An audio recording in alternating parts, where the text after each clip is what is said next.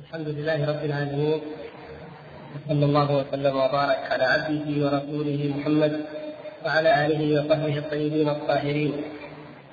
وبعد فكما تعلمون أيها الأخوة الكرام كنا في الأسبوع الماضي في الحديث عن معنى الإيمان بالكتب المنزلة ولا سيما معنى الإيمان بالقرآن.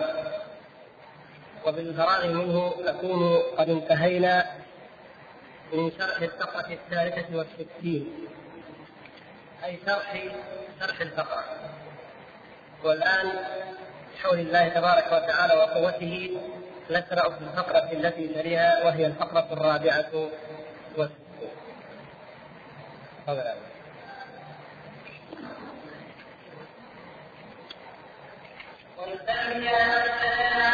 أهل قبلتنا ونسمي أهل قبلتنا. ونسمي أهل قبلتنا.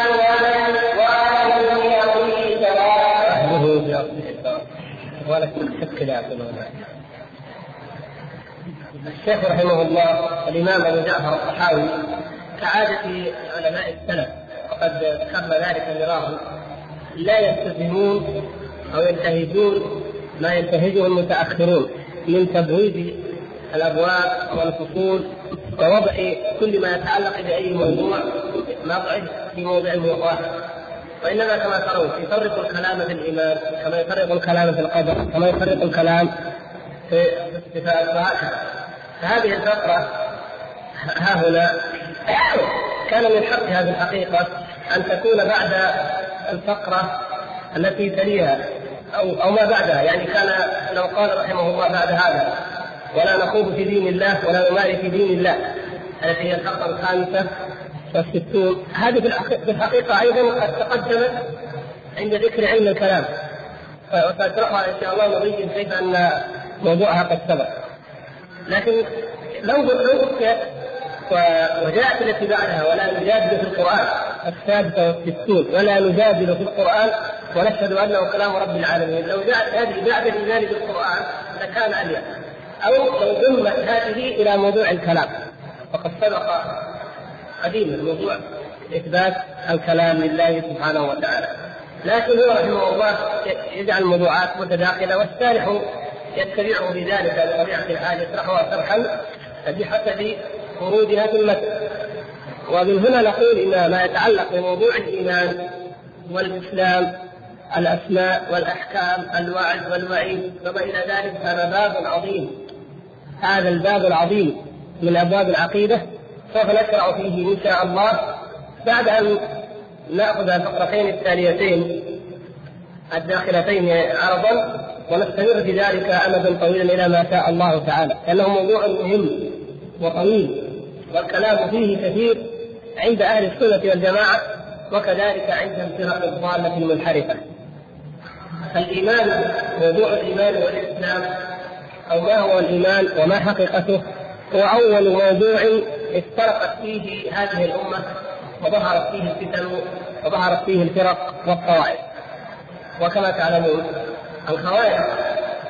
وهم أول فرقة أو طائفة خرجت عن جماعة المسلمين وشدت عنها وقاتلت المسلمين وقاتلوها على هذه البدع إنما كان أصل بدعتهم في موضوع الإيمان ومرتكب الكبيرة عندما كفروا علي رضي الله تعالى عنه وكفروا من بل كفروا كل الصحابة الكرام رضي الله تعالى عنهم أي كلا الطائفتين. أهل العراق وأهل الشام. لأنهم حكموا الرجال. لأن علي رضي الله تعالى عنه حكم الرجال وأولئك عندهم من باب أولى أن يكفروا. وتاريخهم غير قادر عليكم.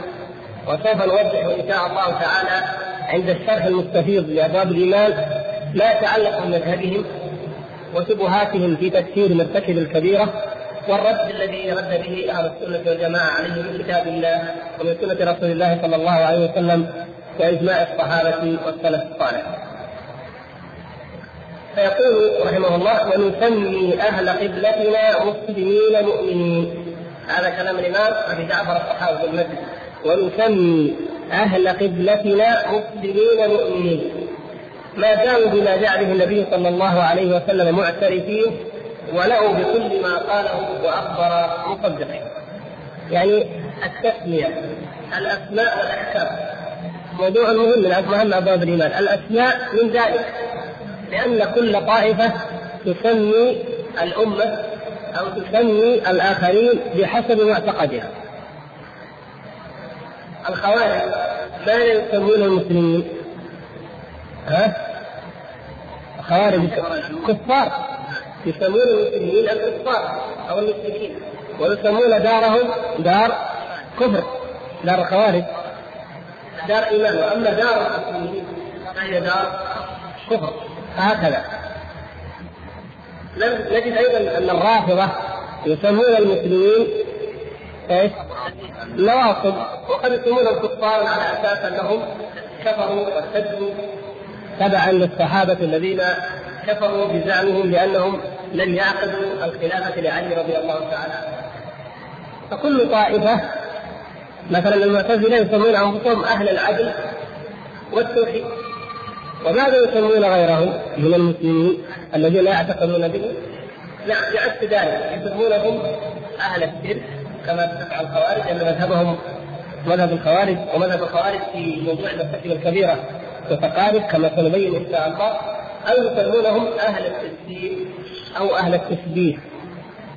وكذلك الذين يؤولون الكتاب يسمون المسلمين عامة والسلف الصالح يسمونهم المشبهة أو الحتمية أو النابتة إلى غير ذلك من ألقاب السوء وهكذا. والشارح رحمه الله والناس من قبل يريدون بذلك أن يقولا ما ماذا يسمي المسلمون؟ أهل السنة؟ ماذا يسمون أهل القبلة؟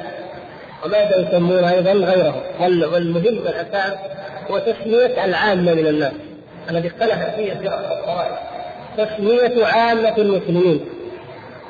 نحن أهل السنة والجماعة والحمد لله نعتقد أن عامة المسلمين هم من أهل السنة إلا إذا تلبسوا بشيء من البدع واعتقدوها. لو أن انسانا أسلم اليوم في أمريكا ولا في اليابان من أي طائفة نعتبره؟ من أهل السنة نعم. وأيضا المسلمون الفلاحون في إندونيسيا أو في غرب إفريقيا أو في أي مكان. من أي طائفة نعتبرهم هؤلاء؟ من أهل السنة والحمد لله. لأن ال ال الإسلام حقيقته حقيقة الإسلام هي السنة.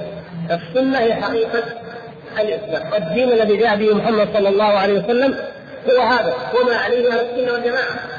لكن من الفرق من بقوا على الدين وخرجوا عن منهجه صلى الله عليه وسلم في السنة في بعض أمور الاعتقادات ومنها من خرج عن الدين بالكليه أما حقيقته أما الصراط المستقيم الذي يقول كل مؤمن في صلاته كل ركعة اهدنا الصراط المستقيم فهو ما عليه أهل السنة والجماعة. ولذلك أهل السنة والجماعة يسمون عامة المسلمين أهل القبلة مسلمين مؤمنين.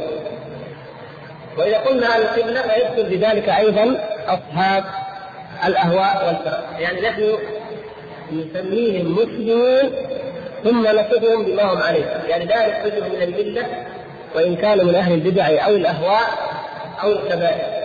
إلا من اعتقد أو ابتدع بدعة مغلظة خرجت به عن الإسلام هذا له حكم آخر ولكن المقصود أن أهل القبلة سنلفظ ذلك إن شاء الله أهل القبلة. المسلمون لهم اسم الإسلام أو اسم الإيمان يعني لا نسلب عنهم اسم الإيمان أو الإسلام ونخرجهم من الدين. إلا من أتى منهم بمكفر كفر به وخرج به من الملة. الشارح رحمه الله يقول شرحا لذلك قال رسول الله صلى الله عليه وسلم من صلى صلاتنا واستقبل قبلتنا وأكل ذبيحتنا فهو المسلم له ما لنا وعليه ما علينا.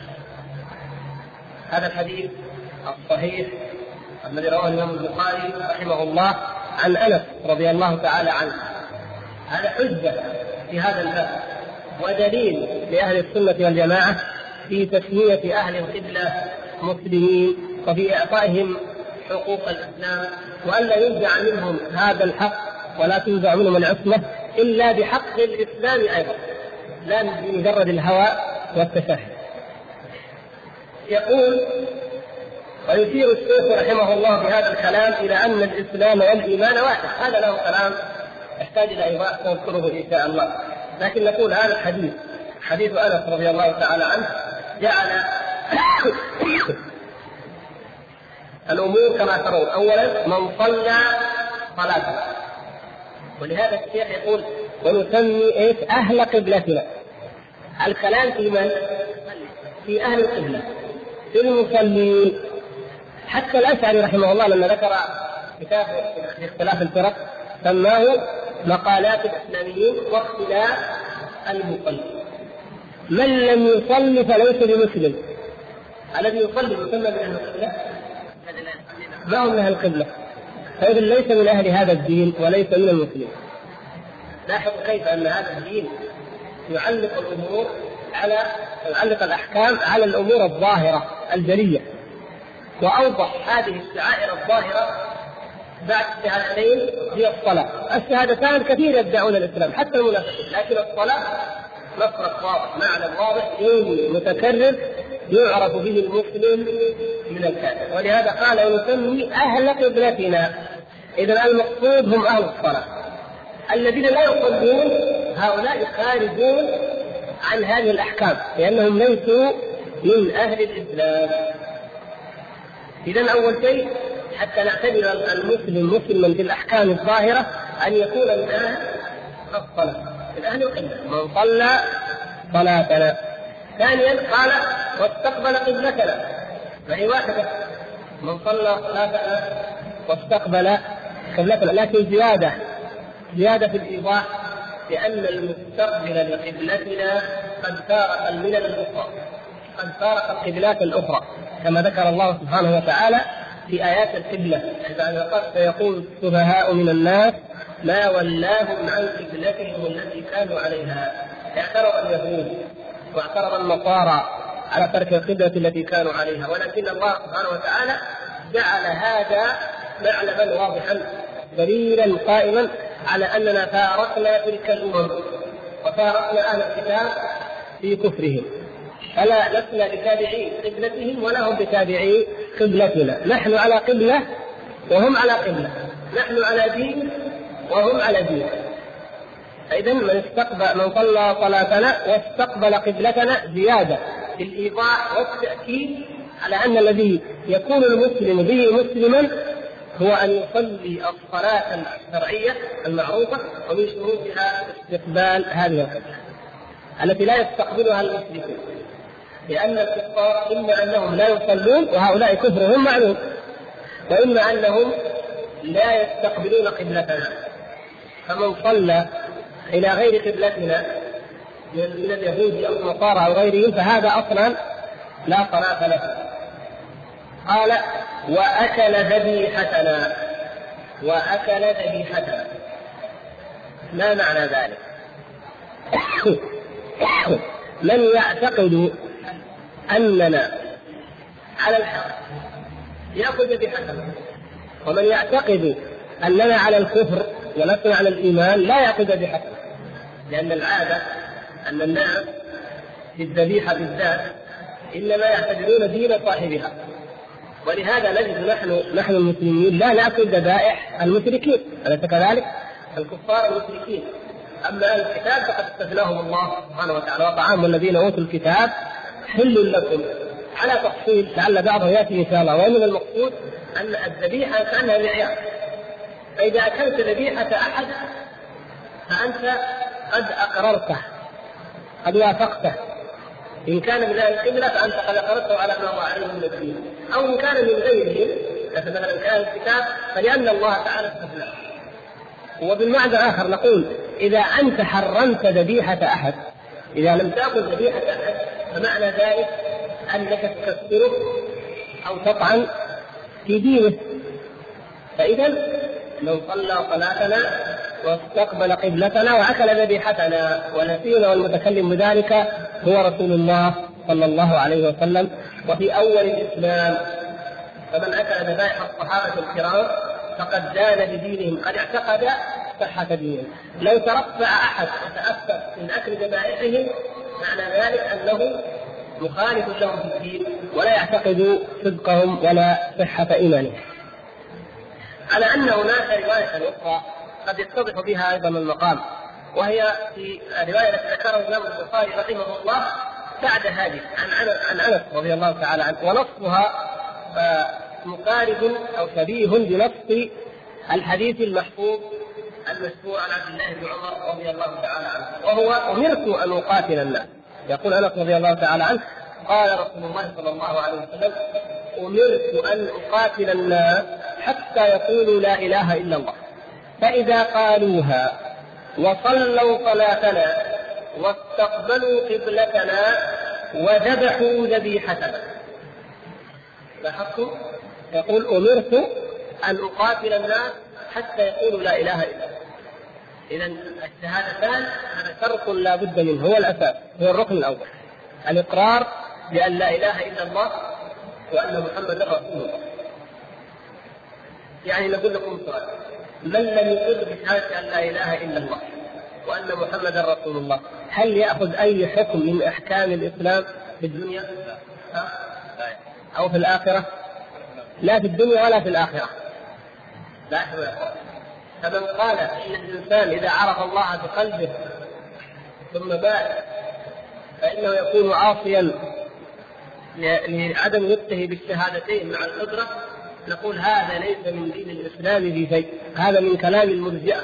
ومن ضلالات لا بد للحكم على الإنسان بالإسلام في الدنيا وليكون أيضا كذلك في الآخرة ينجو من النار. أو ينال أي حكم من أحكام الإسلام لا بد من الإقرار بالشهاده شهادة أن لا إله إلا الله وأن محمدا رسول الله. هذا الركن الأول والاساس فيقول صلى الله عليه وسلم في هذه الرواية أمرت أن أقاتل الناس حتى يقولوا لا إله إلا الله وأن محمدا فإذا قالوها وصلوا صلاتنا لاحظتم؟ اذا رجعنا إلى إلى إلى اسم الرواية المذكورة هنا. صلوا صلاتنا واستقبلوا قبلتنا لكن قال هنا إيش؟ وذبحوا ذبيحتنا وهناك قال وأكل ذبيحتنا الروايتان كل منهما توضح النقطة. ذبحوا ذبيحتنا ما معناها؟ ذبحوا على طريقتنا نعم على ديننا في الذبح. يعني اولا وقبل كل شيء ذبحوا لله. ما كان من ذبح عبادة فهو لمن؟ ومن ذبح لغير الله. هذا طيب من ذبح وذكر عليه غير اسم الله. ولا تأكلوا مما لم يذكر اسم الله عليه وإنه لا. وإن الشياطين ليوحون إلى أوليائهم ليجادلوكم وإن أطعتموهم إنكم لمشركون إذا لابد أن يكون الذبح إذا كان ذبح عبادة وتقرب أن يكون لله ويذكر عليه اسم الله. فمن ذبح لغير الله هذا ليس منا. ومن ذبح وذكر عليه غير اسم الله.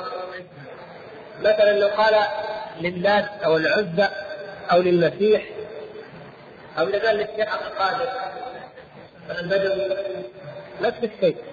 إذا قال باسم البدوي باسم اي إذا ذكر أي ذبيحه ذكر عليه غير اسم الله فإن ذلك يخرجها أن تكون ذبيحة. هذه ميتة وفاعل ذلك مشرك والعياذ بالله. إذا ذبحوا ذبيحتنا يعني ذبحوا كما يذبح المسلمون، كيف يذبح المسلمون؟ يذبحون لله التقرب والعبادة وأي ذبيحة ذبحوها فإنهم يسمون عليها اسم الله يذكرون اسم الله تبارك وتعالى عليها ولا نريد الآن أن نخوض في تفصيل حكم الذبيحة اذا لم يصلي عليها صاحبها سواء كان عمدا أو سهوا لأن هذا المثال الفروع ومذكور في كتب الفروع. وأنه المقصود هنا معيار كون الإنسان منا. يأكل ذبيحتنا ونأكل ذبيحته. هذا منا منا أهل الإسلام.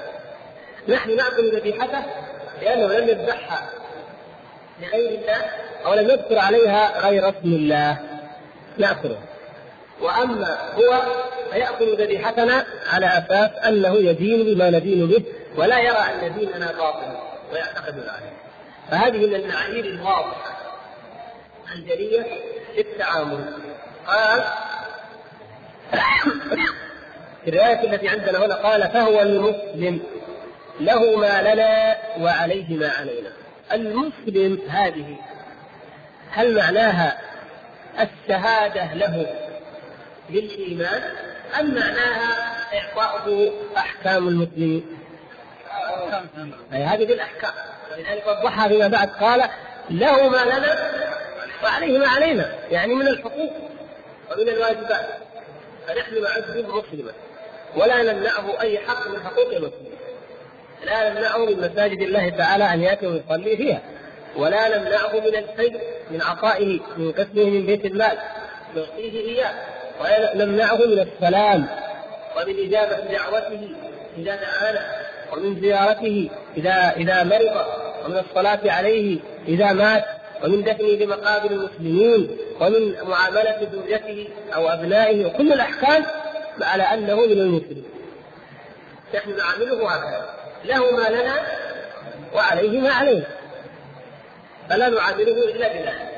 لا يجوز ظلمه ولا سبه ولا قتله ولو قتله أحد وإن كان القاتل فاضلا من أصدق الناس وأكثرهم إيمانا وصلاحا وقتله فإنه يقتل به ليه؟ له ما لنا وعليه ما علينا فإن كان في الباطل الله أعلم بحاله لكن نحن في الدنيا نقيم الأحكام على هذا الاساس. في رواية أخرى قال فقد حرمت علينا دماؤهم وأموالهم. إلا بحقها. فقد حرمت علينا دماؤهم وأموالهم إلا بحقها. إذا لا يجوز لنا ولا يحل لنا, لنا مال امرئ مسلم ولا دمه إلا بحقه. متى؟ متى ما قال لا إله إلا الله. متى ما بشهادة لا إله إلا الله وأن محمدا رسول الله وأقام الصلاة استقبل قبلتنا وأكل ذبيحتنا أو ذبح ذبيحة وهنا نأتي إلى الرواية المعروفة كما قلنا في حديث عبد الله بن عمر رضي الله تعالى عنه وهي قوله امرت أن اقاتل الناس حتى يشهدوا أن لا إله إلا الله وأن محمدا رسول الله ويقيموا الصلاة ويؤتوا الزكاة. فإذا فعلوا ذلك عصموا مني دماءهم وأموالهم إلا بحق الإسلام. وحسابهم على الله. وحسابهم على الله تعالى. هذه وردت في آخر رواية انس في رواية عبد الله بن عمر. لكن في رواية عبد الله بن عمر هذه المشهورة وهي متفق عليها رواها كذلك الإمام مسلم مع البخاري. فيها ذكر الشهادتين وماذا؟ والصلاة وإيش؟ والزكاة. أيوه والزكاة. ما فيها اختلاف. لا اختلاف إن شاء الله لأن الإمام البخاري رحمه الله ترجم للباب الذي ذكر فيه حديث عبد الله بن عمر في أول كتاب الإيمان. ترجم له بعنوان باب فإن تابوا وأقاموا الصلاة وآتوا الزكاة فخلوا سبيلهم. هنا الأول في أول صحيح في كتاب الإيمان. الجزء الأول صفحة 75 من بالنسبة للطبعة أسفل لي. أما هذا هذا الحديث فقد ذكره البخاري رحمه الله عن رواية أنس في آخر في آخر الكتاب في أبواب استقبال القبلة في أبواب الصلاه ليبين أهمية استقبال القبلة وهذا الجزء الأول فقط 496 و 497 ابن حجر رحمه الله عندما جاء لشرح الحديث الثاني الاخير حديث أنس أحال إلى ما قاله في حديث عبد الله بن عمر. فنرجع إلى حديث عبد الله بن عمر. نجد فيه كلاما طويلا في موضوع أحكام المسلمين ومتى من ذلك مما ذكر أن بعض العلماء قالوا الحديث غريب لن نتحدث عن انها من وجه غرابته لكن قالوا وإن رواه الشيخان الحديث وإن رواه الشيخان فإنه يطعن فيه بغرابته وبأن لما جرى النقاش بين عبد الله بين أبي بكر الصديق رضي الله تعالى عنه وبين عمر بن الخطاب رضي الله تعالى عنه في مسألة مانعي الزكاة. ماذا قال عمر رضي الله تعالى عنه لأبي بكر؟ أيوه. كيف تقاتل الناس ويقولون أن لا إله إلا الله. فاحتج عليه أبو بكر رضي الله تعالى عنه قال قال أيوه إلا بحقها. هو يعني قال ألم يقل إلا بحقها؟ قالوا فلو كان الحديث محفوظا. لاحتج به أبو بكر رضي الله تعالى عنه. يعني أبو بكر في هذا الموضع أحوج ما يكون إلى أن يحتج به فيه التصريح بلفظ وآتوا الزكاة. مع الصلاة ومع التارك. فلماذا يلجأ إلى قوله ألم يقل إلا بحقها؟ أو إلى قوله إلا بحقها؟ هذا استدلال بالنص. لكن قوله آه والله لو قال ان من فرق بين الزكاة بين الصلاه والزكاة هذا استدلال بماذا؟ بالفهم والاستنباط. أو لماذا يلجأ إلى ذلك؟ وعنده حديث وهو ذكر فيه لا لا اله الا الله ويقيم الصلاة ويؤتي الزكاة. كان قال لا إن النبي صلى الله عليه وسلم قال فإذا فعلوا ذلك فقد عصموا مني دماءهم وأموالهم. هذه الثلاثة وهذه لم تتحقق. هذا هذا ما قيل. والجواب نقول أن ذلك لا يعني الفتح في الحديث أو أن الصحابة لا يعرفون الحديث لا يعني أنهم لم يعلموه أو أنهم لم يعرفوا لأن الصديق رضي الله تعالى عنه عندما قال إلا بحقها هذا من باب الاستدلال من باب الاستدلال على الخصم بجزء من كلامه. يعني هذا من أقوى أنواع الأدلة، أنت عندك أدلة كثيره، تقدر تجيب أدلة بس تقول تعال أنت إيش تقول؟ قال أنا أقول إلا بحقها. لا يحل. قال كيف تقاتل الناس وهم يشهدون أن لا إله إلا الله؟ فقال قل إلا بحقها إلا بحقها يعني فهو إلزام للخصم من كلامه. مما ذكر. أو إنه معلوم لديه وان لم يصرح به لفظا. هذا الشيء. الشيء الآخر. أن قول الصديق رضي الله تعالى عنه والله لو قاتلن من فرق بين الصلاة والزكاة هذا استنباط نعم لكن استنباط ماذا؟ استنباط من الآية. واستنباط من الحديث هذا ومن غيره. فكأن الأمر معلوم. كأنه بهذا قد ذكر الصحابة الكرام بهذا الحديث وبالآية في سورة التوبة. في الحقيقة هما آيتان في سورة التوبة. فإن تابوا وأقاموا الصلاة وآتوا الزكاة فخلوا سبيلهم. هذه هي التي هنا. والأخرى فإن تابوا وأقاموا الصلاة وآتوا الزكاة فإخوانكم في الدين نعم لكن المتعلقة بموضوع هو إيش؟ فخلوا سبيله أي لا تقاتلوهم. فمن لم يفعل فإننا نقاتله هذا أحد ما يعني ذكر بالنسبة لهذا الحديث. ثم آه، ذكر الحافظ رحمه الله تعالى قال فيه دليل على قبول الأعمال الظاهرة والحكم بما يقتضيه الظاهر. والحكم بما يقتضيه الظاهر. فيه دليل على قبول الأعمال الظاهرة والحكم بما يقتضيه الظاهر.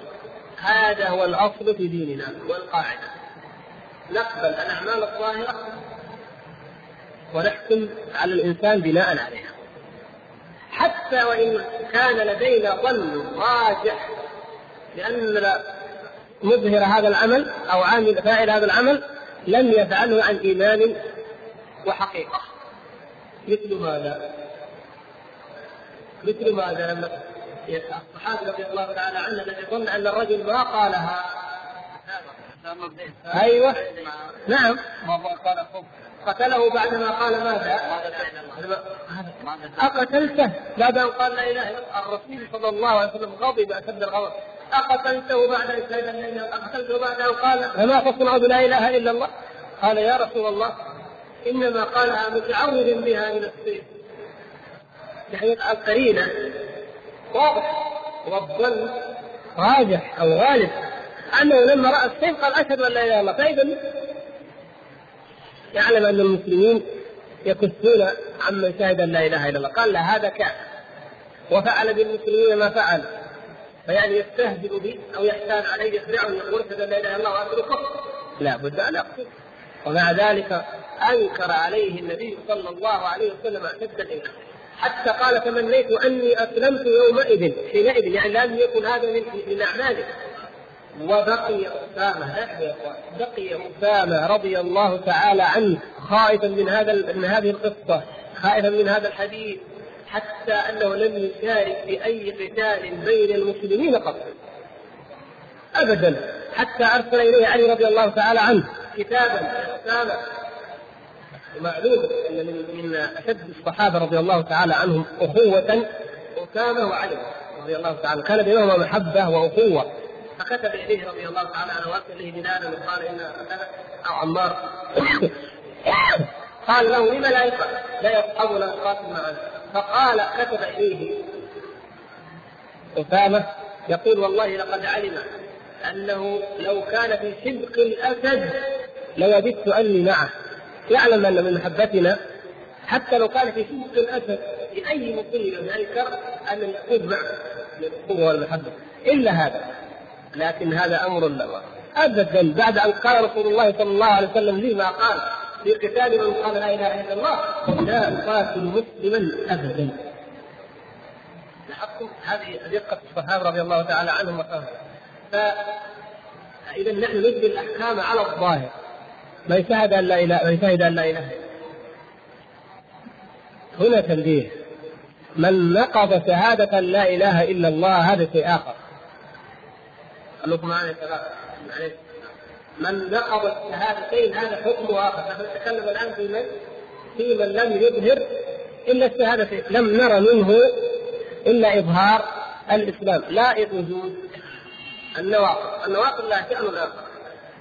يقول اذا رحمه الله هذا أول شيء. قال وفيه الاكتفاء في قبول الإيمان بالاعتقاد الجازم خلافا لمن أوجب تعلم الأدلة. إيش معنى الكلام هذا؟ أعيد عليكم العبارة.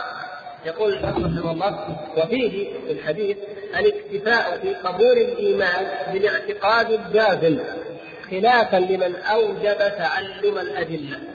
إلى اخره يعني اكتفاء تفضل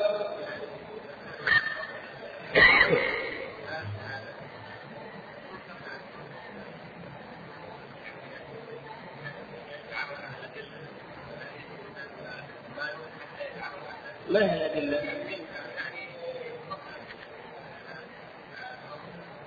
يعني ما يتفكر وما يتعلم أدلة الأدلة مثلا لما نقول الصور الثلاثة بما عرفت ربك بآياته ومخلوقه ومن آياته الليل والنهار. هي ما يجيب الأدلة الآيات إذا ليس المقصود؟ يا عبد أيوه نعم. الأدلة هي الكلامية. المقصود في هذا الرد على أهل الكلام. الذين يقولون لا بد من النظر. وتحدثنا عن هذا؟ تفضل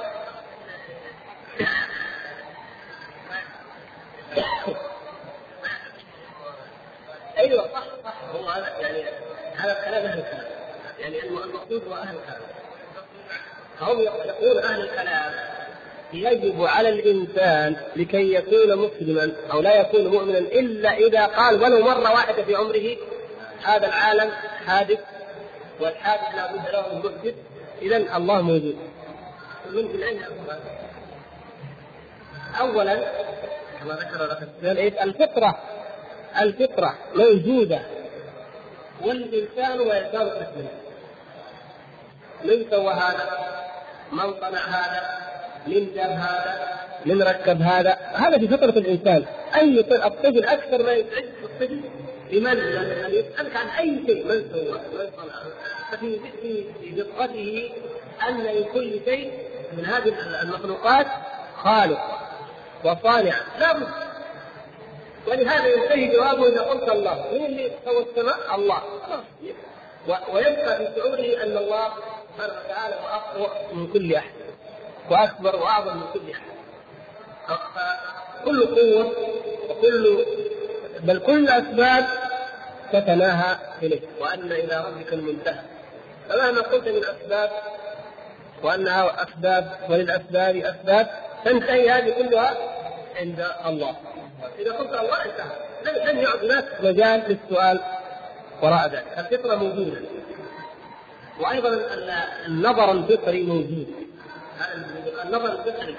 الإنسان لما يشوف أي شيء يرى البحر يرى الكواكب النجوم يرى الشمس يرى الإنسان أمامه يرى نفسه وفي أنفسكم أفلا تبصرون يرى أي شيء سنريهم آياتنا. في الآفاق وفي أنفسهم حتى يتبين لهم أنه الحق. إذا رأى أي شيء يقول لا إله إلا الله. سبحان الله فيأتيه يمسك بفطرته بالإيمان. فإن القادرين لما أرسلوا في الفضائل أول مرة نفي أنه شيوعي ونفي أن الحج راقبه في الأرض ونفي كل شيء وقال لا بد أن لهذا الكون خالق. ما يمكن الفطرة تنطق وتزيل الغشاوات التي تنشأ عليها فهذا موجود إذا الاكتفاء بالإيمان الاكتفاء يعني المؤمن يكتفي بإيمانه أنه خلاص أنا عرفت الله خلاص ولا الاكتفاء بالحكم له به؟ ها؟ إيش معنى الاكتفاء؟ المقصود بالاكتفاء الاكتفاء بالحكم له ولا الاكتفاء وهو بذلك؟ الحكم عليه أيوه لا, لا نحكم عليه أو نحكم عليه نحن بالإيمان بناء على شروط أهل الكلام. لا نكتفي بماذا؟ بأن يظهر لنا ما يدل على صدق إيمانه على اعتقاده وصدقه والله سبحانه وتعالى أيضا من آمن ايمانا صادقا فإنه سبحانه وتعالى يقبل إيمانه وإن لم يأتي على طريقة المتكلمين ورحمة الله تعالى أوسع من أن يحجر الناس على أن لا يؤمنوا إلا على طريقة العلاف أو النظام أو امثالهما من الزنادقه الملحدين سبحانه وتعالى. قال يقول رحمه الله الحافظ بن حجر ويؤخذ منه ترك تكفير أهل البدع. ترك تكفير أهل البدع المقرين بالتوحيد الملتزمين للشرائع. إيش المقصود بهذا؟ أهل البدع المقرين بالتوحيد الملتزمين للشرائع. نحن لا نكفر أصحاب المعاصي بمعاصي. هذا معلوم. شرب الخمر زنى سرق يكفر يخرج من الدين. لا هذا دين ومذهب الخوارج. أما المسلمون أما أهل السنة فلا يكفر ذلك لكن أشد من ذلك في الذنب وأكبر منه في العصيان أصحاب البدع والأهواء. أصحاب البدع نكفرهم ما داموا على التوحيد وملتزمين بالشرائع أيضا لا حتى وإن كان من أهل البدع ومن أهل الأهواء. وهذا الذي أشار إليه الشيخ كما سنعرف له إن شاء الله. قال وقبول توبة الكافر من كفره هذه النقطة الرابعة اللي ذكرها رحمه الله. وقبول توبة الكافر من كفره من غير تفصيل بين كفر ظاهر أو باطن. وقبول توبة الكافر من كفره من غير تفصيل بين كفر ظاهر أو باطن، إيش معنى هذا؟ نبحث إذا قرأ أو هذا الكلام في الكافر. يعني يعني عندنا الناس الكفار والمسلمون غير أهل البدع من من أهل البدع نعم الكفار أيضا ما الذي نحكم له به من الإيمان والإسلام؟ كيف نحكم؟ هذا رد على من يشترط شروطا خاصة في نوع معين من الكفار يقول لك مثلا بالمناسبة هذه اسمع برنامج كيف أسلمت؟ في الاذاعه كيف أسلمت؟ اسمعوا إيش يقول؟ فيه؟ بعد المغرب إيش يقول؟ يعني في العباده حقته بدل الموسيقى إيش يقول عبد الله؟ من اللي يدخل أيوه.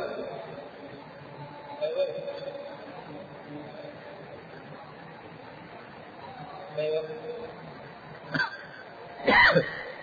طبعا هو حديث عباده حديث عباده نعم وأن عيسى عبد الله ورسوله كلمة ألقاها لمن يروح الجنة حق والنار حق. لكن تكراره كل يوم بهذه الصيغه ونصرة دينه مثل اللي يقول من لم يقل هذا لا يثبت له حكم الإسلام. سبحان الله. لا من قال هذا؟ يعني نحن أحيانا ندعو إلى البدع بطريقة غير مقصودة. أو الله أعلم جهل أو إيش يكون. إنما المراد هو هذا. بعض العلماء قالوا إذا كان يهوديا وأسلم نقول تعال لا نقبل إسلامك حتى تشهد بأن عزير ليس من الله. الله ويمكن ما يعتقدها من الأول. يعني مثلا بعض القواعد أو يمكن هو ما يعني بعض كما تعلم بعض اليهود وبعض النصارى أصلا لا يدخل في الإسلام إلا بعد أن يكون قد كفر بملته التي هو عليها. في يسالك كيف ادخل في الإسلام. يقول لا لازم تعتقد كذا وبعدين تقول له لازم تشهد ان عيسى عبد الله. ورسوله وكلمته ألقاها إلى مريم وروح منه. إيش معنى الكلمة؟ أكثر ما يعرف السر. إيش معنى كلمته؟ إيش معنى روح منه؟ ما يعرف يشرح هذا دخلناه في دوامه في متاهه هو لسه هو الرجل المتبرع. هو ليش جانا يبغى يسلم إلا متبرع مما هو عليه من لهذا قال بعضهم لا نكتفي بأن يقول وكفرت بما دون ذلك وكفرت بغير ذلك. كما قال صلى الله عليه وسلم قال لا إله إلا الله وكفر بما يعبد من دون الله. حديث صحيح لكن نقول ليس هذا أيضا شرطا. لماذا؟ لأن كفر بما يعبد من دون الله متضمنة. أشهد أن لا إله إلا الله. اول شيء التخليل اول شيء النبي. نعم لا إله لا معبود بحق ابدا إلا الله. هو أول شيء نفى أول شيء نفى الوهيه المسيح أو عزير أو اللات أو العزى أو أي معبود. ثم قال إلا الله. اذا يا جماعة نشرح له معنى لا إله إلا الله. فإن ظهر لنا بعد فيه أو من كلامه أو تعليمه الإسلام إنه ما يفهم إيش معنى وضع عيسى بالضبط إيش حقيقة نشرح لكن ما دام أنه قال أنا أريد الإسلام أنا أشهد أن لا إله إلا الله وأن محمدا رسول الله نقره على ظاهره. ولا نفترق غير ذلك. ولا نقول قل ظاهرا وباطنا. وإذا تعمقنا في الموضوع ما ينتهي. طيب قال لا إله إلا الله ظاهرا؟ يمكن ما قالها باطنا. قل ظاهرا وباطنا. هو إذا كان عازم لا يسلم. يعني يريد النفاق يقول ظاهرا وباطنا وباطنا ما في شيء هذا نفس الشيء المنافقون يحلفون بالله. يحلفون أنهم لا إنما عقل يحلف بالله لكن في الواقع. طيب. وكذلك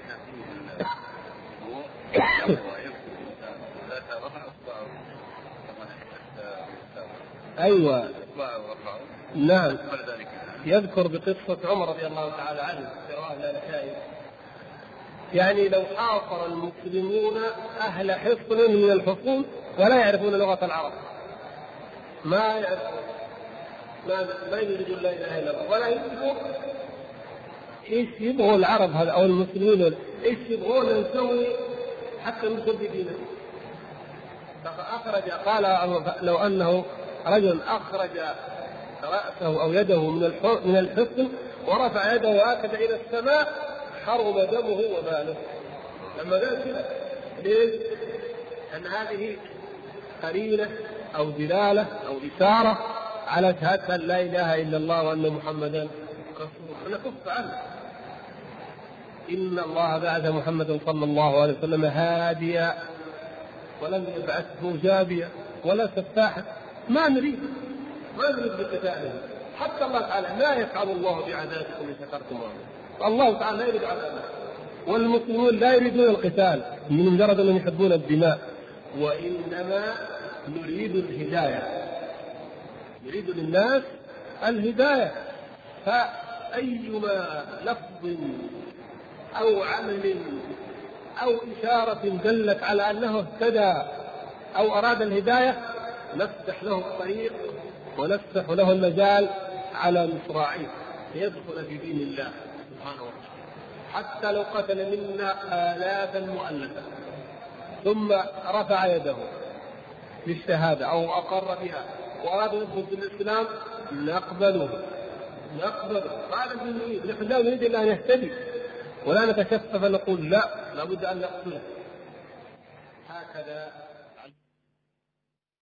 أخي على طريق الحق. هنا منتصف الشريف. قال رحمه الله ويشير الشيخ رحمه الله بهذا الكلام إلى أن الإسلام والإيمان واحد. لماذا؟ ونسمي أهل قبلتنا مسلمين مؤمنين. قال يشير إلى أن الإسلام والإيمان واحد. وهل هما واحد؟ أيوة نبغى نجيب كلام.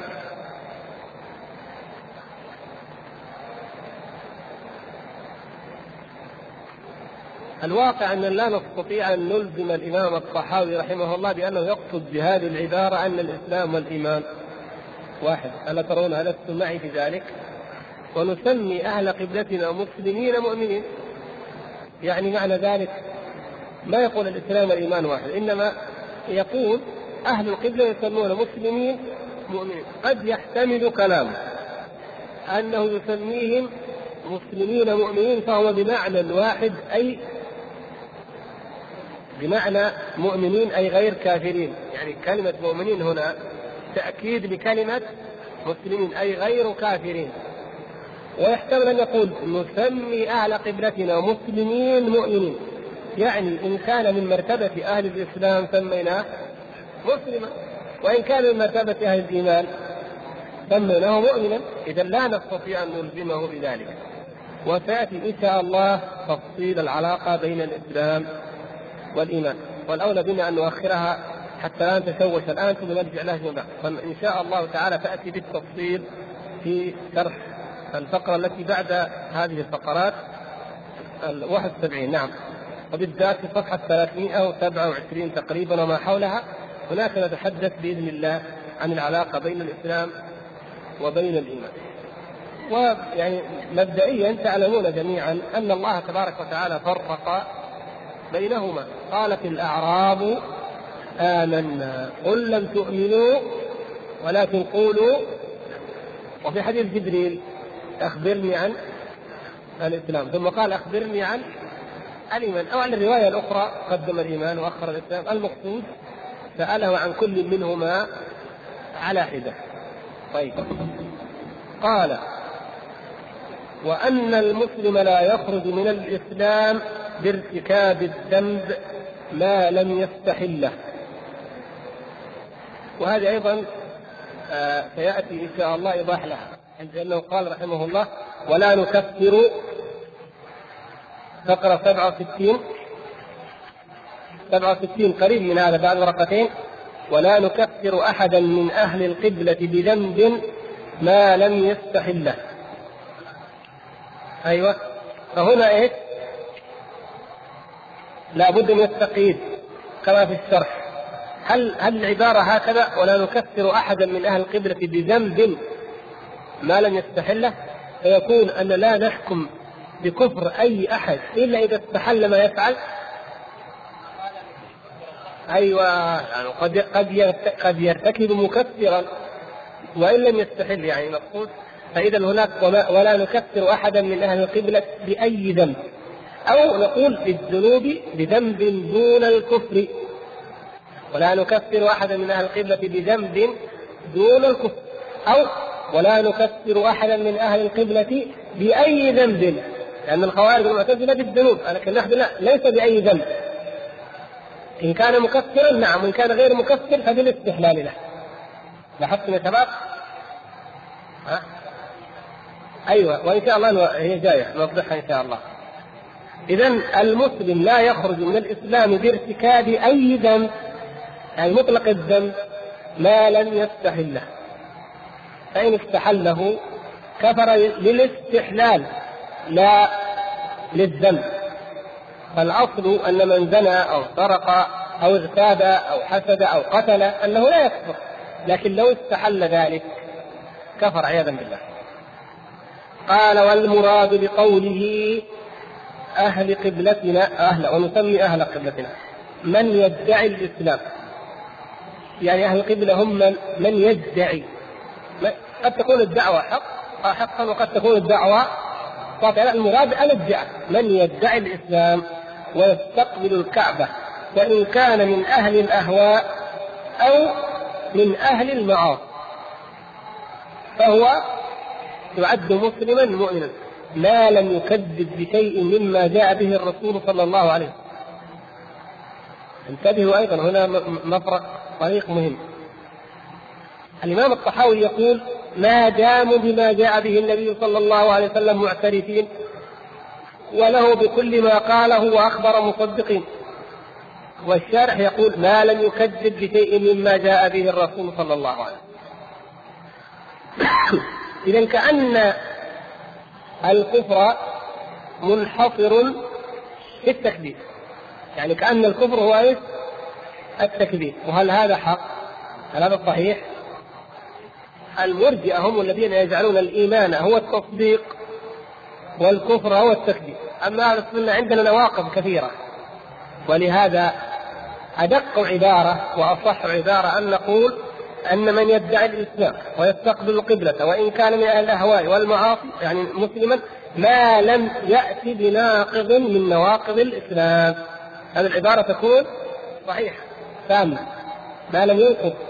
يعني الناقض أعم من أن يكون قولا أو اعتقادا أو عملا سواء كان تكذيبا أو ردا. يا سبحان الله كفر التكذيب وكفر الرد كفر الرد أعظم. من وجه كفر الرد أعظم. التكذيب يقول لك ما شرع الله الصلاة. مثلا ما فرض الله الصلاة. هذا إيش؟ اسمه كفر إيش؟ الجحود التكذيب. لكن كفر الرد أشد. يقول لك أيوه شرعها وأوجبها لكن لن نفعلها. ونقاتل من من يأمرنا بها. هذا؟ هذا كفر إيش؟ الرد والجحود والعناد. وهذا في واقع الناس في واقع الناس في في الفطرة أنه أقبح من وجه. كيف؟ إذا قلت الواحد هذا الأمر. أقرب مثال عندنا الإشارة هذه لما كل وقت الواحد يقطعها إذا قطعها يقول لك إيوه أنا داري إنها كانت حمراء وقطعتها. أوه يعني كل الناس يعني لا يمكن يسمحك رجل ليش؟ يعني عارف إنها حمراء وتقطع معناته إنك إيه؟ ما مستكبر على الأمر راتب له. بخلاف إنك لو قلت ما شفتها ما دريت ما انتبهت مستعجل. يعني يمكن يمكن عبد الله يفصل لك يعني تمشي لكن مستحيل مع مع العناد مع الاباء والاقرار بالحق ورده هذا أشد. ومن هذا الكفر كفر إبليس لعنه الله. إنه ما أنكر الأمر وإنما اباه ابى واستكبر وكان من الكافرين عياذا بالله. وعلى كل حال فالكفر أنواع وإن شاء الله نعرف لها بالتفصيل إن شاء الله في مواضعها. والمراد أن نقول إن أهل القبلة هم من يدعي الإسلام ويستقبل القبلة وإن كان من أهل الأهواء والمعاصي ما لم يأتي أو ما لم يرتكب ناقضا من نواقض الإسلام أو ما لم يرتد عن دينه. لأن كلمة الرده أيضا تقوم إذا قلنا يرتد يعني أعم من أن يكون بقول أو فعل أو اعتقاد مثل ليس الأفعال التي أو الأقوال. مثل ليس الأقوال التي إذا فعلها الإنسان ارتد وخرج وإن لم يكذب. نعم سب الدين سب الله سب الرسول صلى الله عليه وسلم الاستهزاء بالدين. هذا قول ما كذب بالدين وما قال الدين كذب لكن استهزأ به. كما قال المنافقون ما رأيناه تعبطونا ولا أجبن عند اللقاء أعوذ بالله. هم استهزئوا لم يستهزئوا بالدين. حقيقة هم استهزئوا بمن؟ بالقراء بحملة الدين. ومع ذلك قال الله تعالى في حقهم قل أب الله وآياته ورسوله كنتم تستهزئون. كيف جعلها في الثلاثة؟ وهم ما قالوها. هكذا. والأفعال. أيضا الفعل. إذا رأيت إنسان يذبح لغير الله. إذا إنسان عياذا بالله أهان كتاب الله أهان المصحف أو فعل أي فعل من الأفعال طاف حول قبر ودعا صاحبه إلى آخره. هذا ما كذب بما جاء به النبي صلى الله عليه وسلم لكنه فعل فعلا يخرجه عن الإيمان وعن الملة.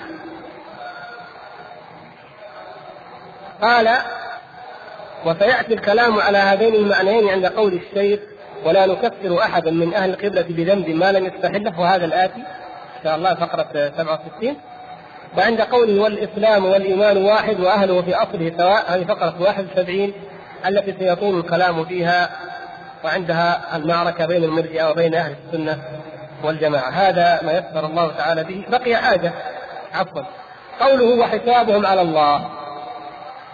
يعني أحيانا الواحد يقرأ الحديث ويشوف بعض ال...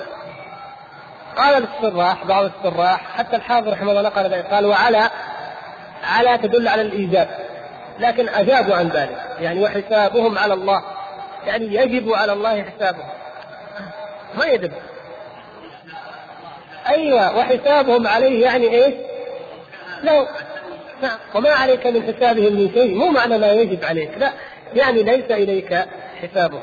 نعم إن حسابهم إلا على الله يعني على حسابهم عليه بمعنى إليه حسابهم إليه. يعني هو الذي يتكفل به. ما فيها معنى الوجوب ولا تستلزم.